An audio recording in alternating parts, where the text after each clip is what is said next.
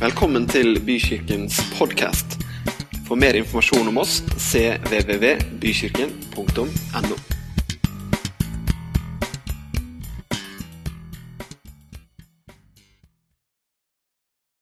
Hei, og eh, god søndag, må jeg vel si. Vi, eh, vi er jo i den serien som heter 100 dager med Jesus. Og den uka vi går inn i nå, når den er ferdig, så er vi faktisk kommet halvveis. Så det syns jeg er veldig spennende. Håper du følger med, og håper du leser og kjenner at det, det er oppløftende, det som du leser.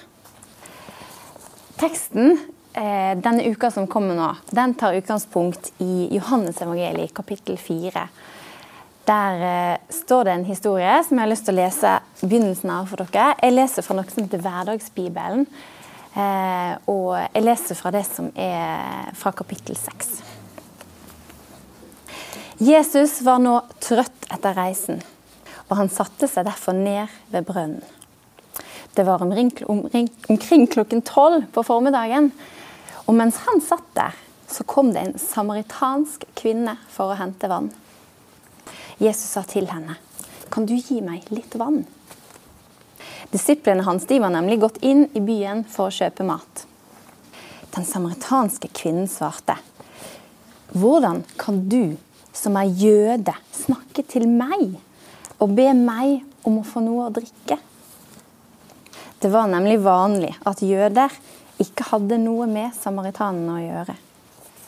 Jesus svarte henne, hvis du bare hadde forstått hvilken gave Gud har til menneskene, hvis du bare hadde visst hvem de det er som spør deg om vann, da ville du ha spurt meg om å få noe å drikke, og jeg skulle gitt deg levende vann.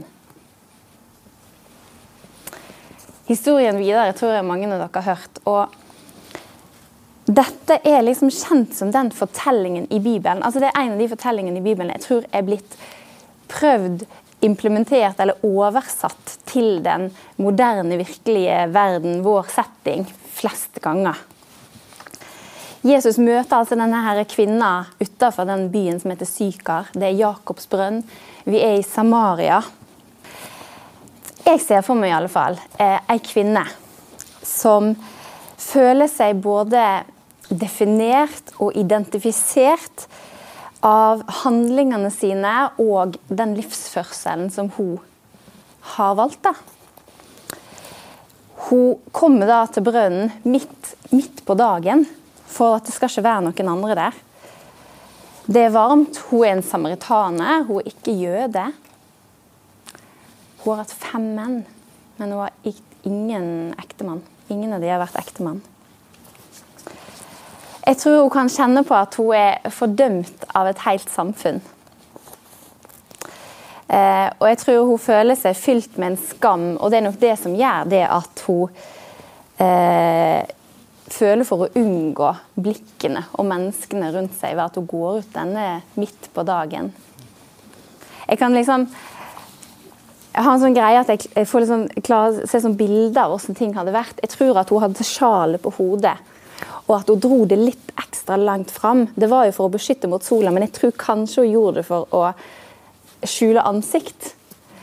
Eh, jeg tror at hun bare bevisst satte blikket i bakken for å unngå at det flakka, og liksom hvis det var noen som så henne på veien ut, og at det var fokusert på liksom føttene som, som traff, og støvet som for eh, i den varme sanda. Og det er noen ord eh, som jeg på en måte kjenner representerer denne historien veldig godt. Og det er det her med følelsen av skam og det å oppleve at du er fordømt. Eh, det å oppleve seg fordømt er definert som at eh, noen har en sterk motstand imot dine handlinger og kanskje dine meninger. Og da får du jo på den andre sida igjen det at noen opplever en skam. Og det skam sier de at det er kjennetegner ved at eh, handlingene dine bryter med det som er idealet i samfunnet, eller det som er forventningene da, kanskje dine egne eller samfunnet sine forventninger. Og dette med å kjenne på fordømmelse, det For meg så fikk det en litt sånn ny eh, betydning da når jeg ble mor.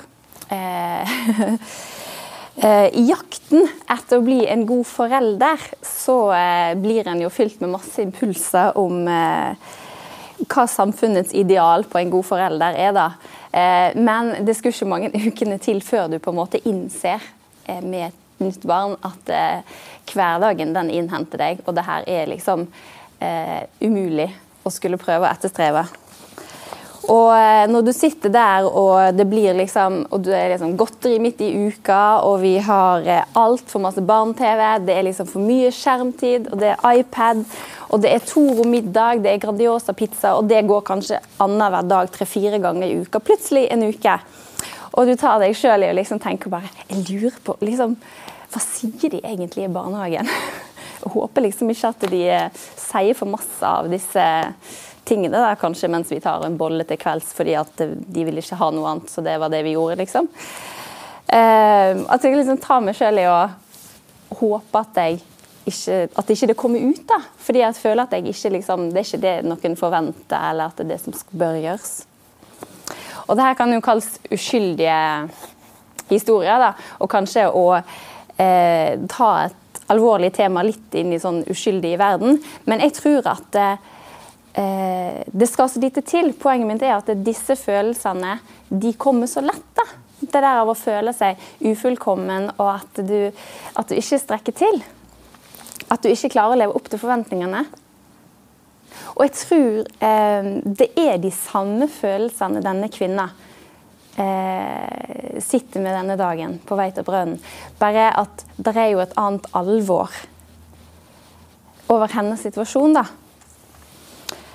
Og fordi om når jeg leser denne historien, leser òg litt mellom linjene, disse her er ordene som handler om skam og handler om fordømmelse, så ikke dette ord som blir nevnt i Jesu munn i hele tatt. Eh, og det vi leser videre, er jo at Jesus han strekker seg jo enormt langt bare for å få kontakt, for å få snakke med denne kvinna.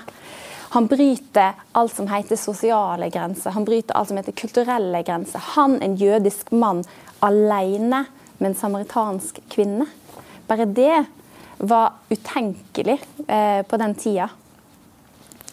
Og så er det det at Jesus han har et sterkt ønske om å møte denne kvinnen, men han har ikke et ønske om at han skal få uttrykt sin motstand mot hennes livsførsel eller hennes eh, måte å være på. Han har heller ingen eh, ti-steg-plan til hvordan få et bedre liv, eh, som han ønsker å presentere for denne, denne kvinnen her. Fordi Jesus, han, han fordømmer ikke. Det viktigste for denne kvinnen, det var at hun fikk et møte med Jesus. Og det visste Jesus. Han visste at det var dette møtet de skulle få. Det var det som skulle være det viktigste. Og jeg kan tenke meg at liksom, når hun går ut der, ut av byen, og ser hun nei, der står det en mann. Det sitter en mann ved brønnen. Jeg kan tenke meg at hun, hun har forsvarstalen klar da, eh, i hodet. Den har hun sikkert øvd på å lage for lenge siden. Eh, men for Jesus er den helt totalt irrelevant. Det er møtet med Jesus og det å forstå hvem han er som vi ser senere i historien, som blir den radikale forandringen for denne kvinnen her.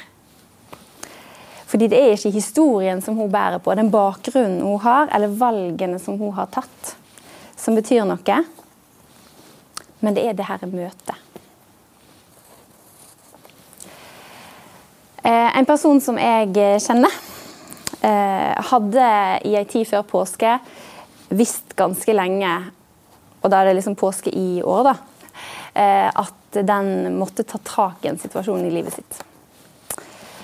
Eh, men det hadde blitt utsatt ganske lenge fordi en var redd for både liksom konsekvenser, en var redd for reaksjon på det som måtte tas tak i.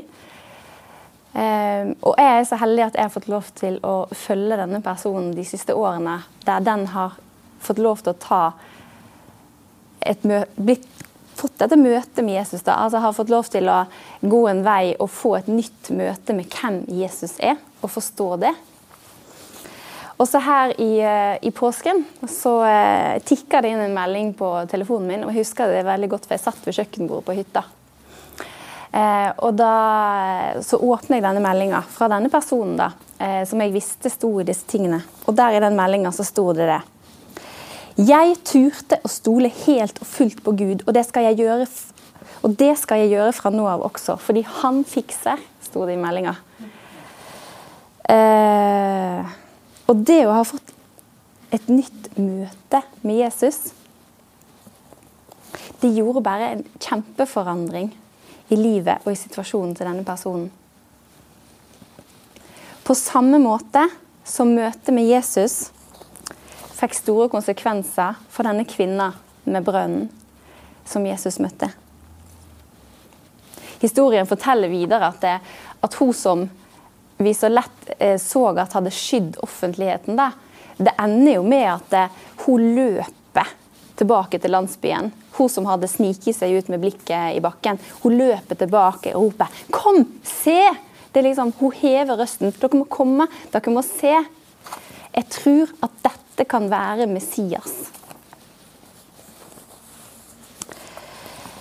Og denne historien tror jeg eh, kan fortelle oss mange ting åssen eh, Jesus møtte denne kvinnen med brønnen. Men jeg tror at dette er en av de tingene vi kan ta ut av den. Hvor viktig det er for Jesus at menneskene får et møte med han. Fordi at det er da de forstår hvem han er, sånn som denne kvinna gjorde. Hun skjønte at dette var Messias. Og de vil òg få oppleve det levende vannet som vi leste om i innledningen. Denne opplevelsen av at Gud han kan være så til, til stede i livet vårt hver eneste dag. Sånn som han var i livet til den personen jeg fikk en melding av i påsken. At Gud kan gripe inn i livet, og det skjer en forandring. Og så tror jeg at eh, alle mennesker har i seg en lengsel etter det her levende vannet. Det er en kraft som Jesus ønsker å gi, og som skaper forandring i livet. Og det, er, det fins ingen tistegsplan, som jeg nevnte, eller et selvrealiseringsprogram. Hvordan få et bedre liv. Du har sikkert sett artikkelen og vis, avisnyhetene og programmene og kursene. Men det er ingenting av de her som kan måle seg med det som Jesus kan gi ved at du tar imot det levende vann fra han. Og det her jeg tror at det er kanskje du og jeg som allerede har møtt Jesus, skal igjen få lov til å møte andre mennesker på den måten han gjorde. Og Jesus tråkket over mange grenser. Han, han strekte seg langt for å møte denne kvinnen. Og vi òg skal få lov til å krysse disse grensene for å nå andre mennesker, for å få peke på Jesus. Ikke for å kritisere eller belære, men rett og slett for å bare nå fram med Jesus. Så de kan òg få det her møtet.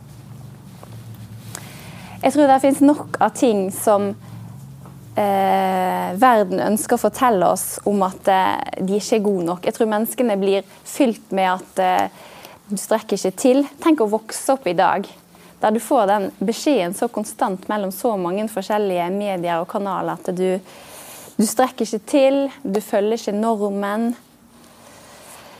Eh, du lever ikke opp det idealet eller det riktige som samfunnet mener at du skal, eh, skal være.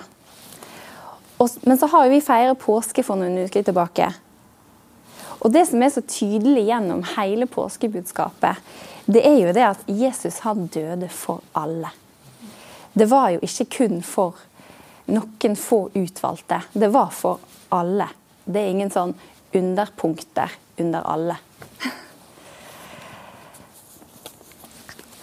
Jeg skal snart eh, avslutte, men når jeg satt og, eh, og, forberedte og leste denne historien, så var det en annen ting òg som jeg eh, kjente på at jeg hadde veldig lyst til å si her i dag. Fordi jeg tror at veldig mange av oss de tenker det her. At jeg vet hva, yes, jeg ønsker å møte mennesker uten fordømmelse. Jeg ønsker å peke på Jesus. Jeg vil at de skal få et møte med han. At de skal få møte Jesus sånn som denne kvinna gjorde, uten fordømmelse. Men så har jeg et spørsmål til deg til slutt. Og det er Hvem er din største kritiker? Og hvem, hvem lar du fordømme deg?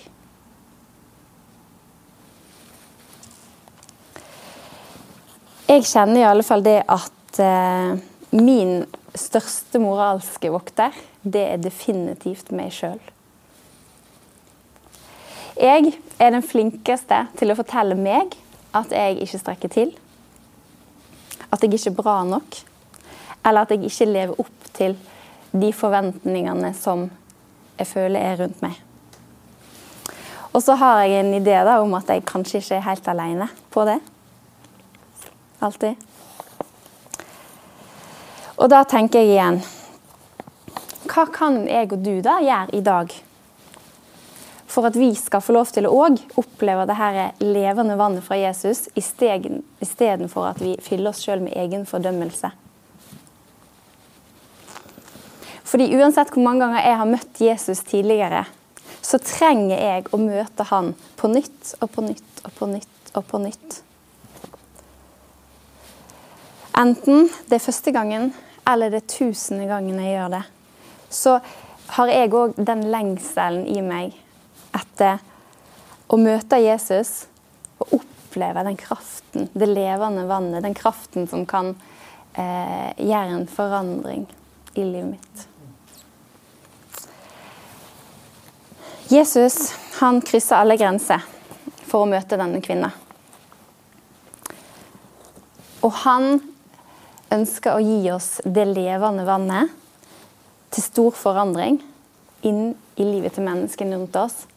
Men glem ikke at han også har det for deg. Mm. Vi ber sammen.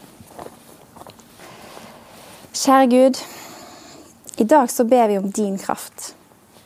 Vi ber om at du hjelper oss å forstå hvem du er og at du ønsker å møte alle mennesker, men at du også ønsker å møte meg. Takk, kjære Gud, for at vi igjen og igjen kan få komme til deg, og at vi kan få drikke av det levende vannet. Amen.